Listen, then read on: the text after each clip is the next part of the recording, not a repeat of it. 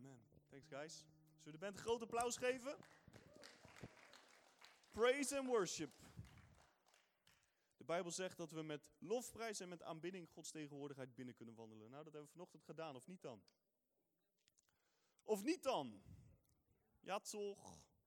Niet dan? We zijn een weekje in eh, het buitenland geweest. Dus ik ben blij om weer een beetje Nederlands te praten met ook mensen om me heen die het verstaan. Dat is wel uh, is altijd leuk van vakantie, hè? dat je dan in het buitenland bent en dat je gewoon lekker Nederlands kan babbelen zonder dat iemand enig idee heeft wat je allemaal zegt. Vind ik altijd heel leuk. Dan kunnen we over de mensen naast ons praten en zo, zonder dat ze het doorhebben. Totdat je een keer dat doet en het zijn wel Nederlanders of het zijn Zuid-Afrikanen en ze verstaan het. Dus wel een paar keer ruzie gehad deze vakantie, maar het was wel leuk. Welkom op de New Gen. Ben je blij dat je hier bent? Ik kan rijmen en dichten zonder mijn hemd op te lichten, maar als ik dan mijn hemd op licht, dan komt er ook een pracht van een gedicht. Hey, zo. Ja, ja, ja, ik ben alvast aan het oefenen.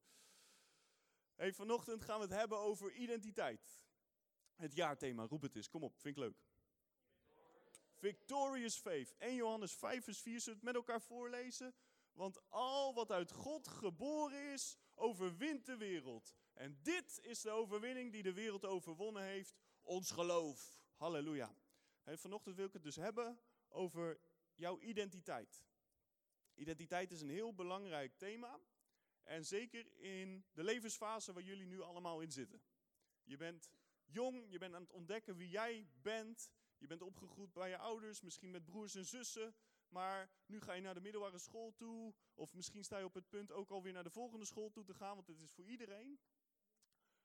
En identiteit is iets wat heel erg belangrijk is. Je bent aan het ontdekken wie jij bent. Je bent aan het ontdekken wat jouw ding hier op aarde is, waarvoor jij hier bent, wat jij kan toevoegen hier op aarde.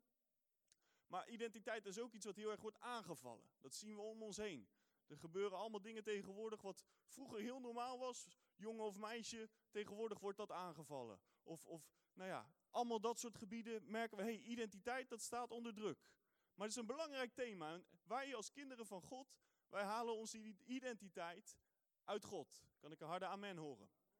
Dat is ook wat er in de tekst staat. Al wat uit God geboren is. Jij, zoals jij hier zit, hoe oud je ook bent, jij bent uit God geboren. Amen? En dat staat ook in 1 Johannes 4, dat hoef je niet, even niet op te zoeken. Maar het is een hele leuke tekst, moet je horen wat daar staat. Schrijft Johannes aan volwassen mensen, hè? dus niet alleen aan tieners, maar gewoon aan iedereen. En dan zegt hij, lieve kinderen, jullie zijn uit God en jullie hebben hen overwonnen, want hij die in u is, is groter dan hij die in de wereld is. Dus zoals we hier zitten als tieners, maar dit is net zo goed voor volwassenen of daadwerkelijk de kinderen, wij zijn kinderen van God. Amen? Lieve kinderen. Wij zijn lieve kinderen en wij zijn uit God. Amen? We zijn uit God geboren. En dat betekent dus dat jouw identiteit ook uit God komt. Net zoals in het natuurlijke je je ouders hebt en je waarschijnlijk een beetje op je ouders lijkt. Ik, ik zelf qua omvang nog niet heel erg op mijn vader, maar qua karakter nog niet na, na zo'n vakantie van eten. Ik weet niet of jullie de foto's hebben gezien, maar ik wil meer en meer op zijbrand gaan lijken. Ik, nee, maar Nee, nee, mag niet van Nienke. Nee, maar in het natuurlijke lijkt je ook op je ouders. Ik heb wel heel erg het karakter van mijn vader. En, en ik zie ook bepaalde eigenschappen van mijn moeder erin. En niet alleen in mijn karakter, maar ook gewoon in hoe ik er daadwerkelijk uitzie. Toch? Dat is bij jullie allemaal net zo goed het, het geval. Je lijkt op je ouders. Amen? En net zoals je het natuurlijke lijkt op je ouders, bedankt voor één amen.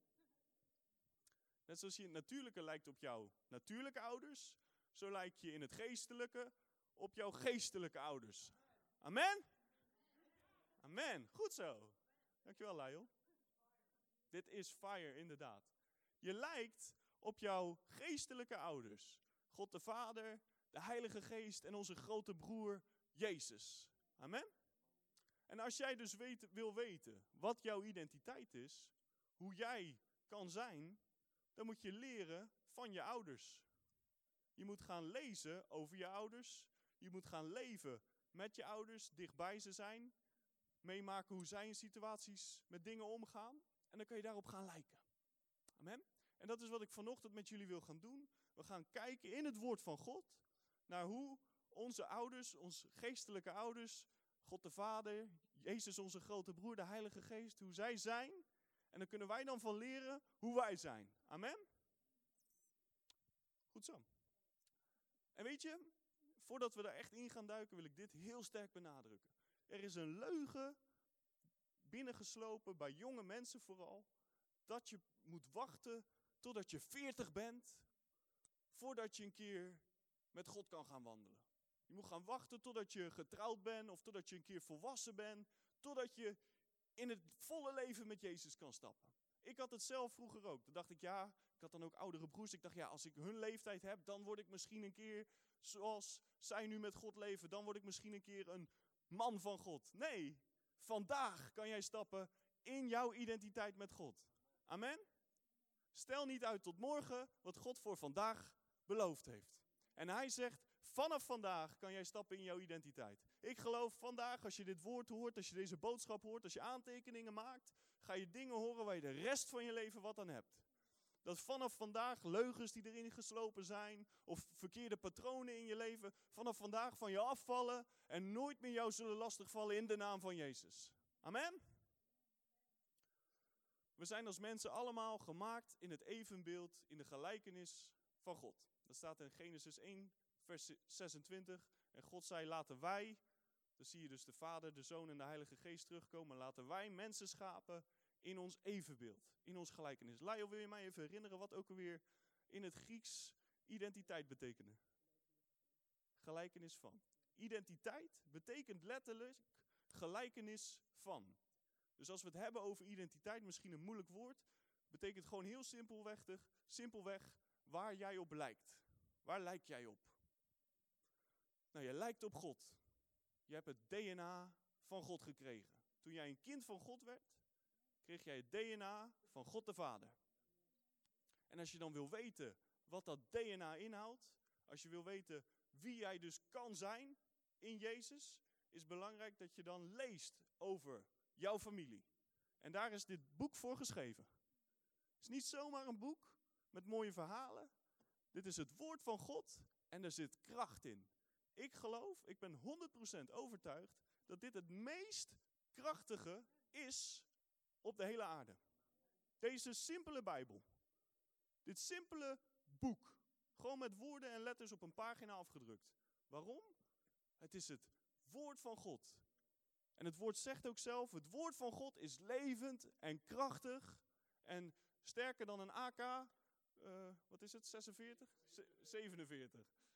Sterker dan een AK-47. Nou, er staat in de Bijbel sterker dan enig tweesnijdend zwaard. Toen gebruikten ze nog zwaarden in de oorlog. Tegenwoordig hebben we atoombommen. AK-416, je weet zelf, jongens. Glock 19. De Bijbel is krachtiger dan zo'n automatisch vuurwapen. De Bijbel is sterker, is meer kracht dan een atoombom. Amen? Maar de enige manier om die kracht eruit te krijgen is wanneer jij zelf, de aandacht even op mij jongens, wanneer jij zelf dat woord induikt en dat eruit pakt wat erin zit.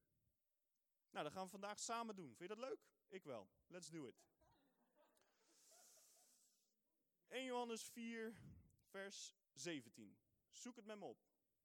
En je hebt natuurlijk allemaal je Bijbel bij je. En ik ga speciaal voor Sam niet zeggen of je er bent, want dan krijg ik weer zo'n beide handen opmerking over dat ding daar, de banner. Nee hoor, is grappig. 1 Johannes 4, vers 17. Als je er bent, mag je gewoon niks zeggen. Zullen we dat doen? Ik heb het bereikt. ja, zeg maar ja.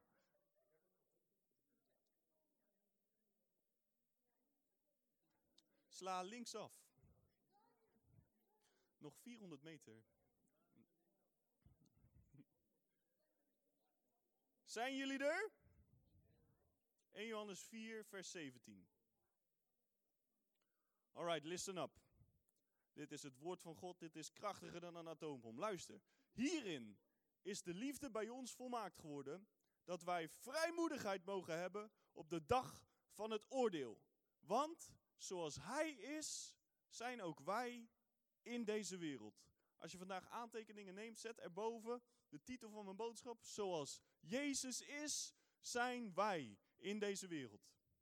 Zoals Jezus is, zijn wij in deze wereld.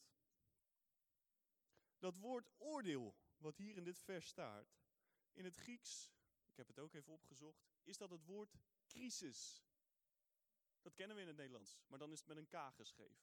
Het woord crisis. Dus het gaat niet over de dag des oordeels, ooit als Jezus terugkomt. Nee, nee, het gaat over de dag van een crisis. Nou, wie gaat er, wie heeft er wel eens een crisis meegemaakt?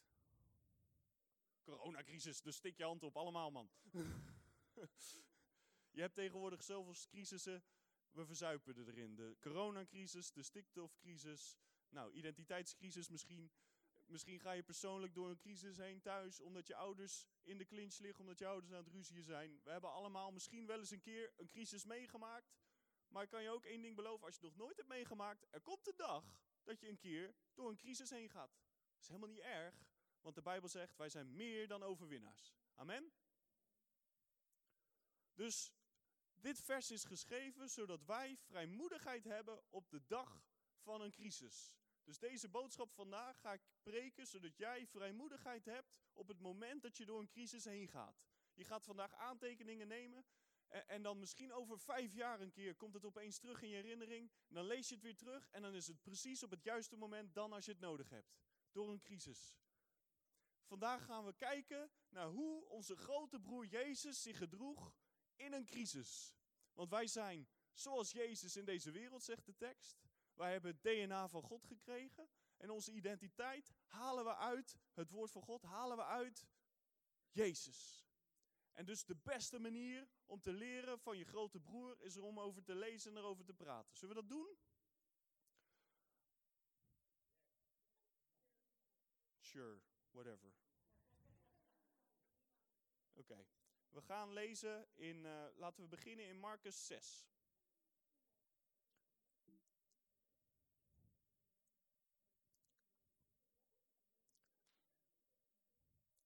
Marcus 6 vanaf vers 45. Ik zal vast een korte introductie geven. Hier heeft Jezus net die grote menigte waar Timo het net over had, hè, met die vijf broden en twee vissen. Die heeft Jezus net gevoed. Die grote menigte. En dat deed hij dicht bij een meer. En, en hier gaan we lezen hoe hij, nadat hij die menigte heeft gevoed, de discipelen wegstuurt omdat hij zelf wou gaan bidden. Even een tijdje voor zichzelf, even een momentje van rust. Vers 45. En meteen dwong hij zijn discipelen in het schip te gaan en vooruit te varen naar de overkant, naar, heb een beetje genade met me, Bethsaida.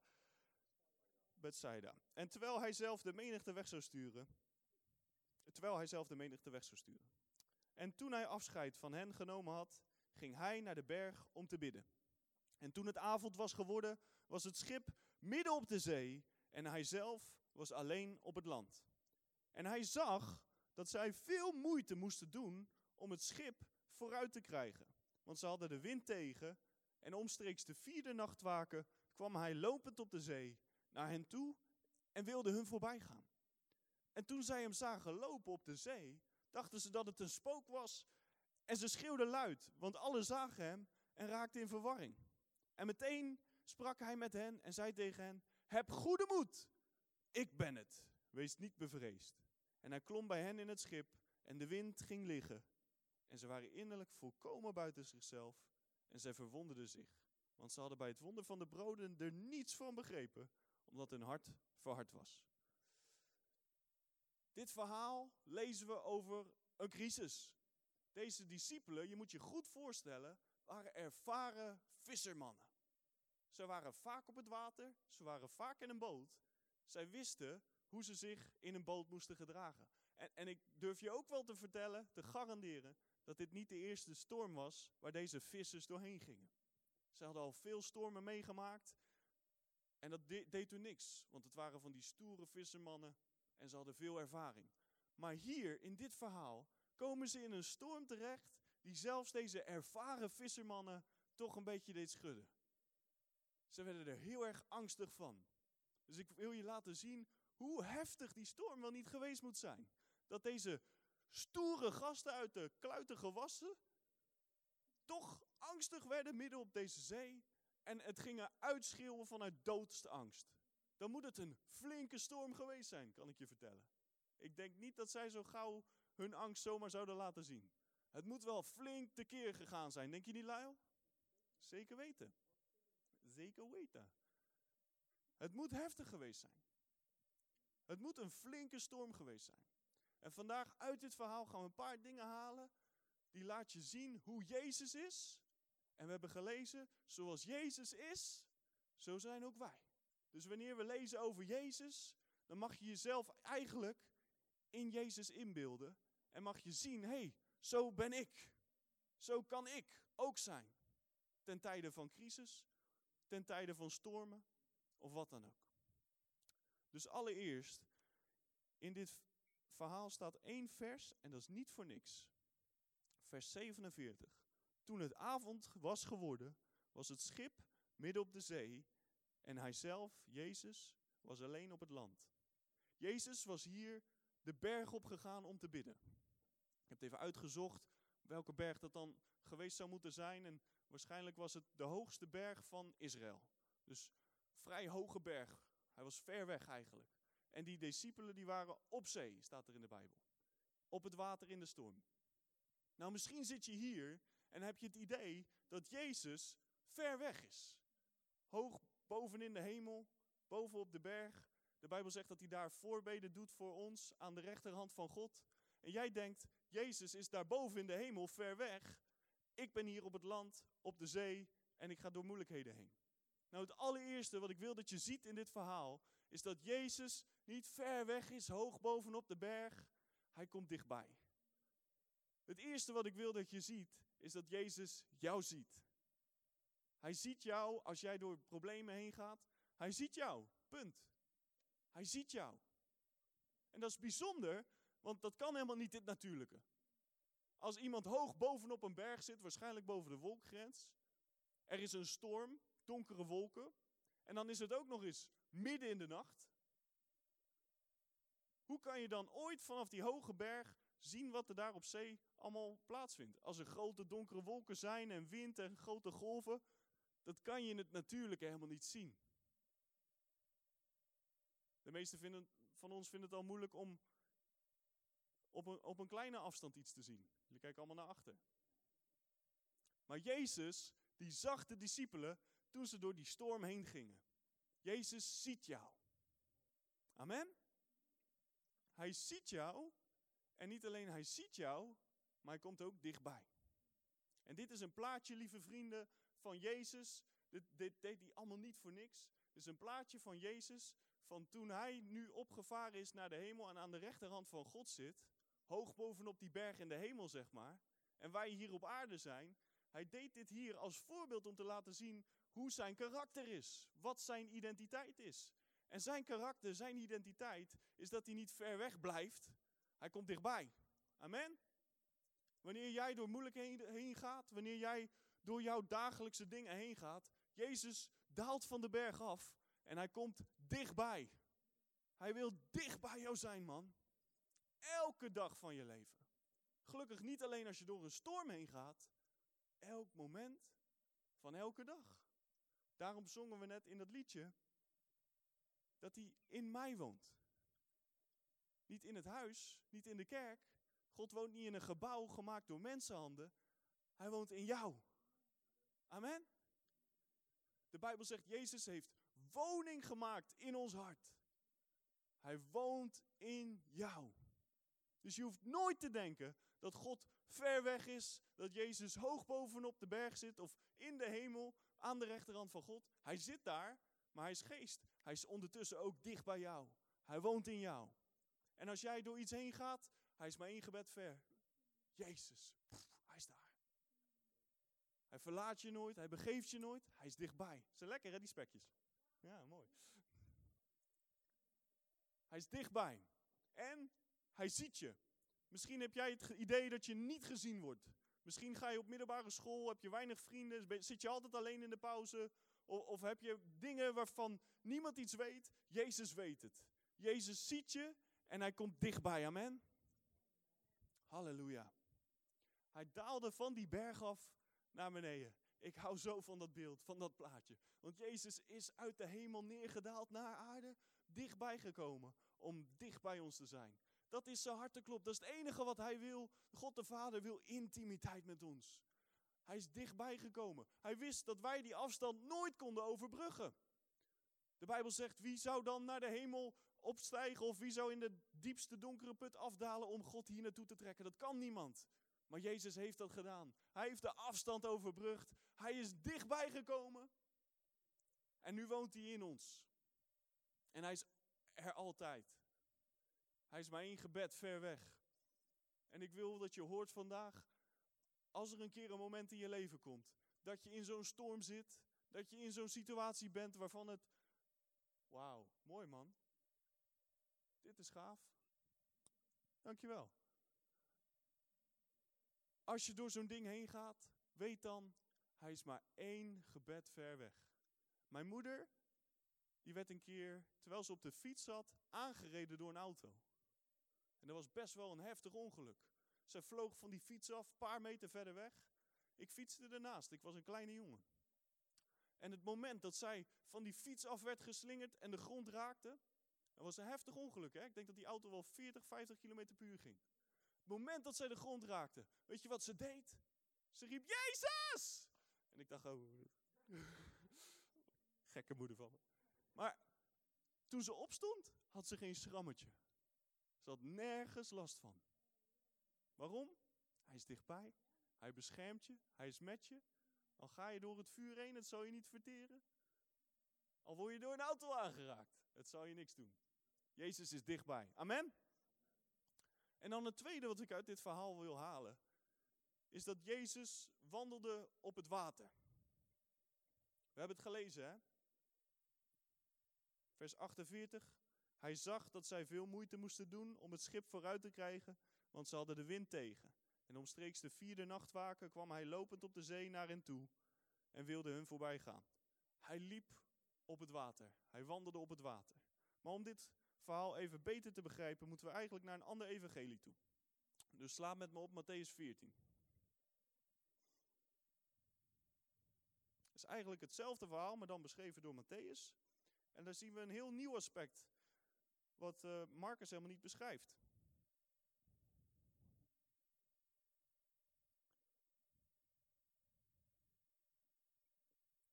Dan vanaf vers 26. En toen de discipelen hem over de zee zagen lopen, raakten zij in verwarring en zeiden: Het is een spook. En zij schreeuwden van angst. Ze zullen wel een beetje bijgelovig geweest zijn, die vissers. Ze zullen wel gedacht hebben: Oh nee, dat is de vliegende Hollander. de vliegende Israëler. Nee, het was gewoon Jezus. Dus dat zegt Jezus ook. Hij zegt, maar meteen sprak hij hen aan en zei, heb goede moed, ik ben het, wees niet bevreesd. En Petrus, altijd het haantje van de, de voorste, altijd weer zo'n mannetje die zegt, Heer, als u het bent, geef mij dan bevel over het water naar u toe te komen. En Jezus zei, kom. En Petrus klom uit het schip en liep op het water om bij Jezus te komen. Maar toen hij op de sterke wind lette, werd hij bevreesd. En toen hij begon te zinken, riep hij: Heer, red mij. En Jezus stak meteen zijn hand uit, greep hem vast en zei tegen hem: Kleingelovige, waarom heb je zo getwijfeld? Wandelen op het water. Wat was de angst van de discipelen, van deze vissermannen, toen zij in dit schip zaten met deze grote storm? Waar waren ze bang voor? Roep het maar. Verdrinken. Dat was hun grote angst. Ze waren bang dat die boot om zou slaan en dat zij zouden verzuipen. Dat, waren, dat is was, waar ze bang voor waren. En wat doet Jezus nou precies? En het is allemaal niet voor niks zo beschreven. De Bijbel is krachtig, jongens. Sterker dan een atoombom of een AK-416. Wat deed Jezus? Hij wandelde op het water. Oftewel, hij wandelde op hun angst. Hij wandelde op datgene waar ze bang voor waren. Ze waren bang voor het water. Ze waren bang om te verdrinken. En Jezus laat zien, ik wandel zo over jouw angst heen. Ik wandel zo over jouw problemen heen. Het doet mij niks. Ik ben Jezus. Ik sta boven de problemen. Ik sta boven jouw angsten. En niet alleen dat. Hij nodigt jou uit om ook op jouw angsten te lopen. Amen.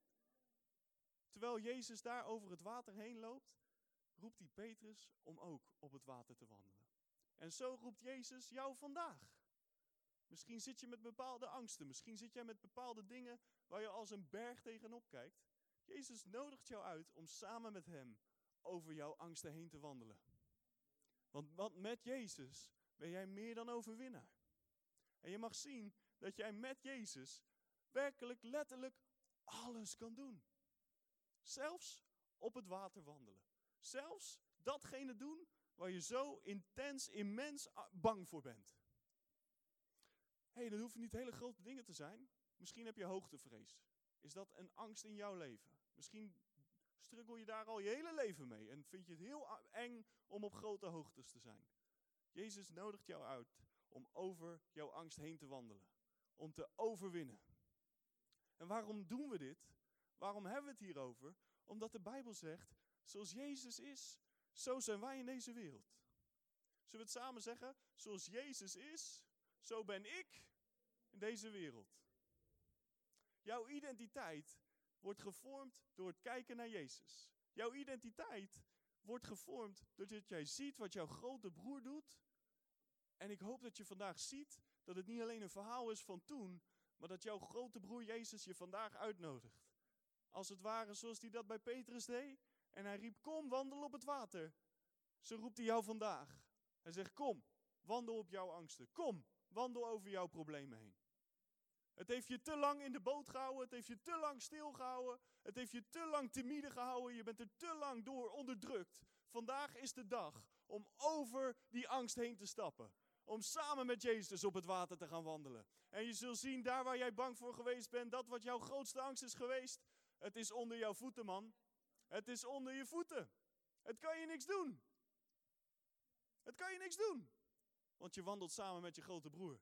Elke dag van je leven. En niets kan jou enig kwaad doen. Amen? Maar dan ten derde.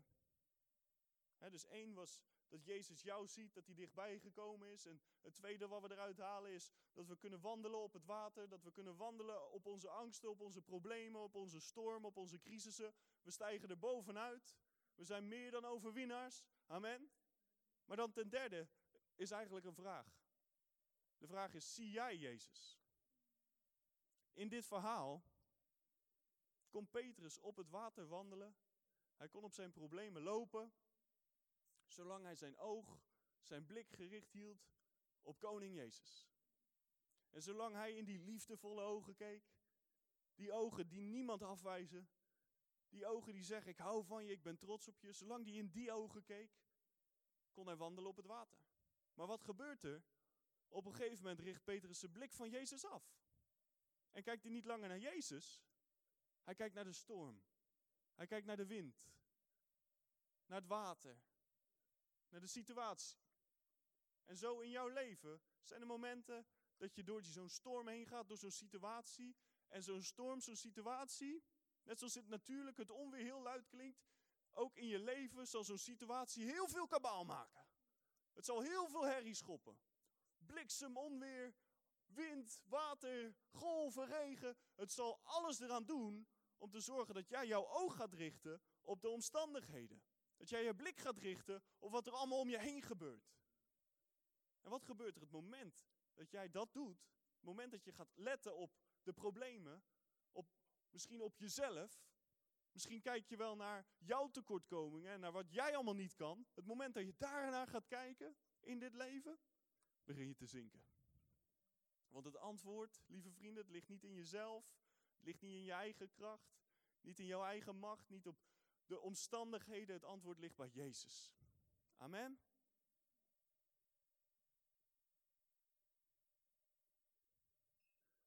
Sla met me op Hebreeën 12. Veel Bijbel vandaag. Halleluja. Wie houdt er van de Bijbel? Wauw. Wie houdt er van de Bijbel? Mag ik jullie horen vanochtend? Zijn jullie wakker? Wie houdt er van de Bijbel? Halleluja. Hebreeën 12. Vanaf vers 1.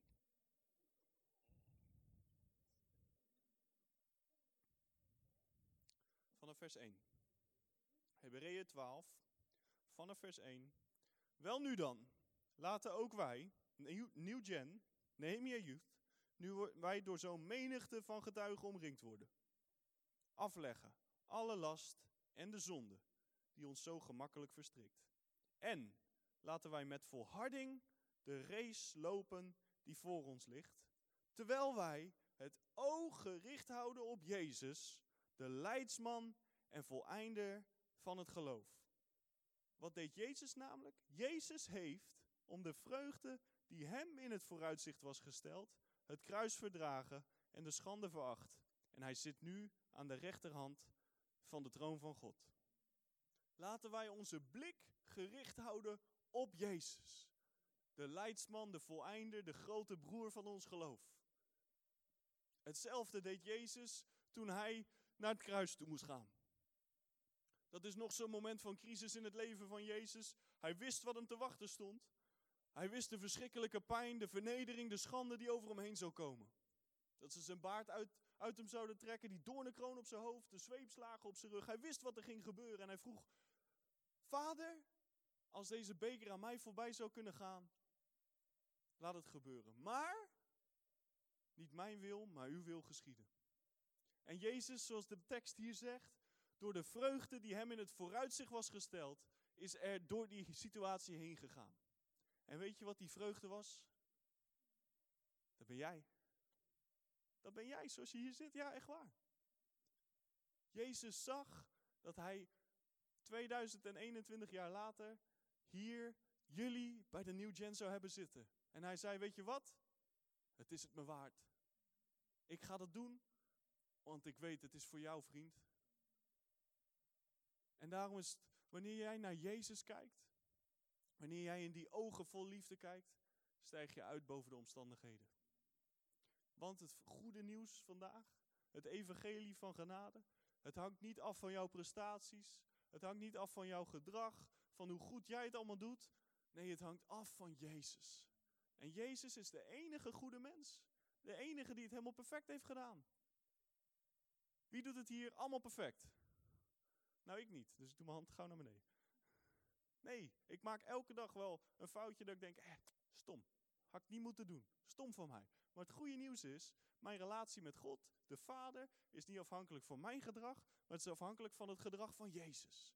En Jezus heeft het perfect gedaan en daarom kunnen wij nu in Hem perfect zijn.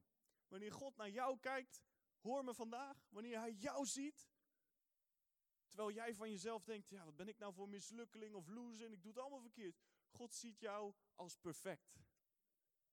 Misschien denk je, maar ik ben nog helemaal niet perfect. Nou, dat kan kloppen. Maar in Jezus ben je perfect. Jouw leven is in Jezus. En in Hem ben jij perfect, ben jij heilig, heb je het goed gedaan. Wanneer je de Bijbel leest en je leest over dingen, vooral in het Oude Testament, de dingen die gedaan moesten worden, uh, de offers die gebracht moesten worden, of de tien geboden, dan mag je weten, dat gaat niet over mij, dat moest Jezus doen. En Jezus heeft het perfect gedaan en ik ben nu in Jezus. En zoals Jezus is, zo ben ik in deze wereld. Jouw identiteit komt volledig voort uit wat Jezus heeft gedaan. Jouw, jouw identiteit komt helemaal voort uit Jezus. Amen. Pakken jullie dit? Volgens mij, ik, ik voel hem nog niet helemaal landen. We gaan nog even op doorhameren. Als wij naar Jezus kijken, als wij in die ogen van Jezus kijken, dan zien we dat wij zoals Hem kunnen zijn. De Bijbel is het plaatje van Jezus. Als je de Bijbel leest, wil ik je uitdagen, de volgende keer dat je dat doet, vraag de Heilige Geest het volgende. Je slaat je Bijbel open, je hebt je stille tijd. Ik wil je uitdagen, doe het volgende. Voordat je gaat lezen, vraag Heilige Geest, openbaar Jezus aan mij vandaag. Laat mij zien Jezus uit wat ik hier lees. En ik beloof je, wanneer je dat doet, dan gaat de Heilige Geest opeens er allemaal dingen uit oplichten. En dan is het als het ware alsof Jezus uit de pagina's omhoog springt en rechtstreeks je hart inloopt. Dat is namelijk de taak van de Heilige Geest. Hij zal je altijd weer wijzen op Jezus. Hij zal je altijd weer richten op je. Hij zal altijd weer zorgen dat jij je blik op Jezus richt. Wanneer jij weer afgeleid wordt door omstandigheden, of misschien toch weer naar jezelf aan het kijken bent, je eigen tekortkomingen en falen. Wat doet de Heilige Geest? Hij helpt jou jouw blik weer op Jezus te richten. Dus wanneer ik aan jou vraag, punt nummer drie, zie jij Jezus? Is ook weer niet afhankelijk van jou dat jij nu je best moet gaan doen om Jezus te zien. Omdat je, en dan, dan zit je daar weer onder oordeel van, oh shit, ik heb niet naar Jezus gekeken deze week. Hè, heb, heb ik het weer fout gedaan? Krijg je daar weer gedachten van oordeel over? Nee, nee, nee, nee, nee, nee. Nee, nee, nee. De Heilige Geest die in jou woont, die helpt jou om Jezus te zien. Amen? En sterker nog, de Heilige Geest, die is zo'n goede vriend, die helpt jou om de Bijbel te lezen om Jezus te zien. Dat is de methode die hij gebruikt om jou Jezus te laten zien.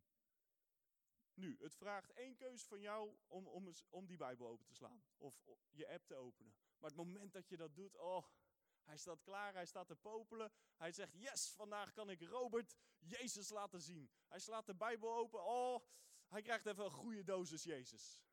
Een goede dosis genade.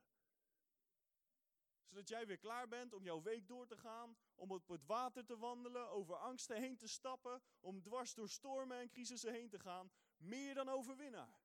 Amen. Halleluja. Ik preek beter dan jullie feedback. Ik zeg het maar even eerlijk. Dan een laatste ding wat ik hieruit wil halen. Terug naar Matthäus 14.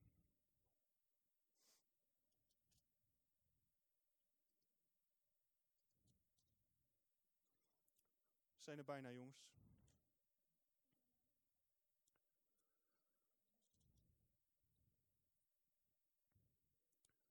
Matthäus 14, weer vanaf vers 26. Toen de discipelen hem over de zee zagen lopen, raakten zij in verwarring en zeiden: Het is een spook, en ze schreeuwden van angst. Maar meteen sprak Jezus hen aan en hij zei: Heb goede moed, ik ben het, wees niet bevreesd. Eigenlijk staat hier: Ik ben. Haha. Dat is de naam van God, Yahweh. Ik ben die ik ben. God in zijn naam laat zien dat hij de definitie van identiteit is. Identiteit is wat jij bent. Ik ben Victor. Dat is mijn identiteit. Jezus laat zien, ik ben die ik ben. Ik ben degene die was, die is en die voor eeuwig zal zijn. Als jij identiteit wil vinden, als jij wil uitvinden wie jij bent, hoe jij in dit leven kan staan, wat jouw identiteit is, hoe jij je misschien op school moet gedragen, het wordt niet gevormd door vrienden. Het wordt niet gevormd door de kleren die je draagt. Het wordt niet gevormd door hoe jij je gedraagt. Of je op voetbal zit of op korfbal of wat dan ook. Het gaat niet om omstandigheden. Jouw identiteit komt uit Jezus. Want Hij is de grote ik ben. Amen. Toen Jezus zei, ik ben, tegen die soldaten die kwamen om hem te gevangen te nemen. Wat gebeurde er? Ze vielen allemaal stijl achterover. Jezus is zo'n sterke identiteit. Hij is zo'n sterk persoon. Wanneer hij zegt, ik ben, ze vielen allemaal neer. En weet je het goede nieuws? Zoals Jezus is, zo ben ik in deze wereld. Het valt me op hè, in die tekst. Even een stukje uh, Nederlandse les. Welke tijd staat deze zin geschreven? Zoals Jezus is. Welke tijd is dat? Tegenwoordige tijd. Ja, er staat niet verleden tijd, toch? Want dan zou het zijn zoals Jezus was. Zo zijn wij in deze wereld. Hey, Jezus was op een bepaalde manier in deze wereld. We hebben erover gelezen. Dat is hoe hij toen was. Dat is hoe hij zich toen gedroeg. Maar het goede nieuws is, Jezus is dezelfde gisteren, vandaag en tot in eeuwigheid. En daarom staat er in deze tekst, zoals Jezus is, zo ben ik in deze wereld. En daarom, ik wil dat je dit ziet vandaag. Jezus is. Hij is, ik ben. Hij is nu. Hij is dichtbij bij jou vandaag. En hij wil vandaag laten zien wie hij is, zodat jij kan worden wie jij bestemd bent om te zijn. Wauw. Amen. Jezus is de redder. Jezus is de genezer. Jezus is zonder zonde. Jezus is de bevrijder. Jezus is de verlosser.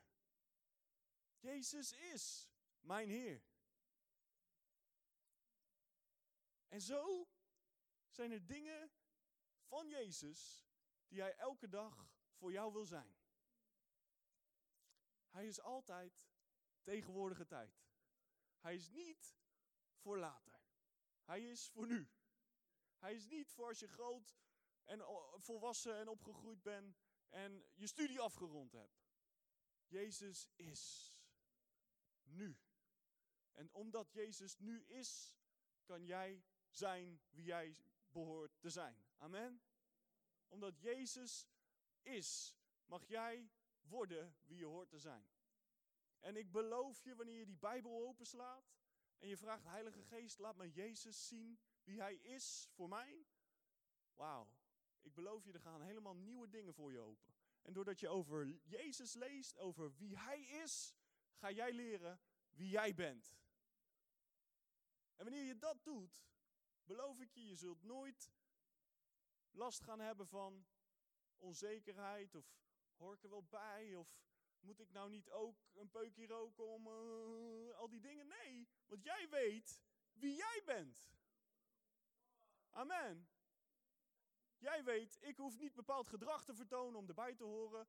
Jezus is de ik ben en ik ben in hem. Amen. Omdat Jezus dat is, kan ik zo zijn.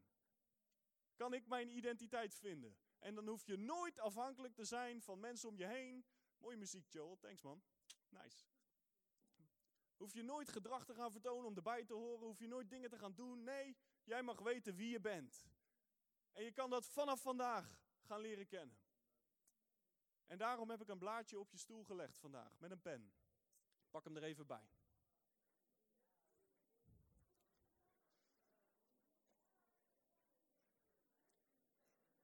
Ja, heel goed. Pak hem erbij, mooie pen erbij.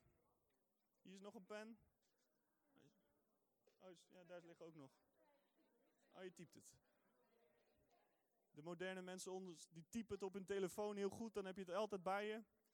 Pen en papier is natuurlijk ook wel een beetje oud, hè? ouderwets. Primitief inderdaad, Neandertaler hier zo. Hallo, ik ben Victor, ik ben een Neandertaler. Maar het blaadje met pen en papier, hé, hey, centraal jongens. Het blaadje met pen en papier heb ik op jouw stoel gelegd, zodat jij vandaag een paar dingen kan gaan opschrijven. Ik wil dat je opschrijft, zoals Jezus is, zo ben ik. Schrijf dat maar op. Zoals Jezus is, zo ben ik.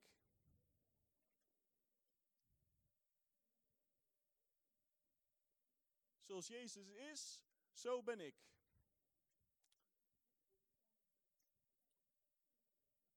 Zoals Jezus is, zo ben ik. Dus. En dan wil ik dat je iets op gaat schrijven nadat je een moment de Heilige Geest hebt gevraagd, wat dan voor jou mag gelden. Dus, bijvoorbeeld, ik noem maar een voorbeeld, hè, hoef je niet op te schrijven. Maar bijvoorbeeld, dus, ik heb geen last van ziekte. Misschien heb je, toen je vanochtend wakker werd, wel enorme pijn in je schouder gehad. Of misschien uh, heb je wel enorme koppijn, al de hele week. Wil ik dat je opschrijft, dus ik ben vrij van hoofdpijn. Want ik wil je een inzichtgevende vraag stellen vanochtend. Heeft Jezus ooit last van hoofdpijn? Nee. Heeft Jezus ooit last gehad van bepaalde verslavingen? Was hij nicotine verslaafd? Oh, mag je dat wel zeggen over Jezus? Ja hoor. Had Jezus last van pornografieverslaving? Had Jezus wel eens een slechte dag waarbij zijn geduld zo op was dat hij enorm woedend werd tegen zijn moeder Maria. Nee. Dus zoals Jezus is, zo ben jij. En ik wil vanavond, vanochtend vragen of je een moment je ogen sluit, je hoofd buigt. Gaan we gewoon een moment samen bidden. En dan gaan we bidden, Heilige Geest, openbaar aan mij wie ik ben.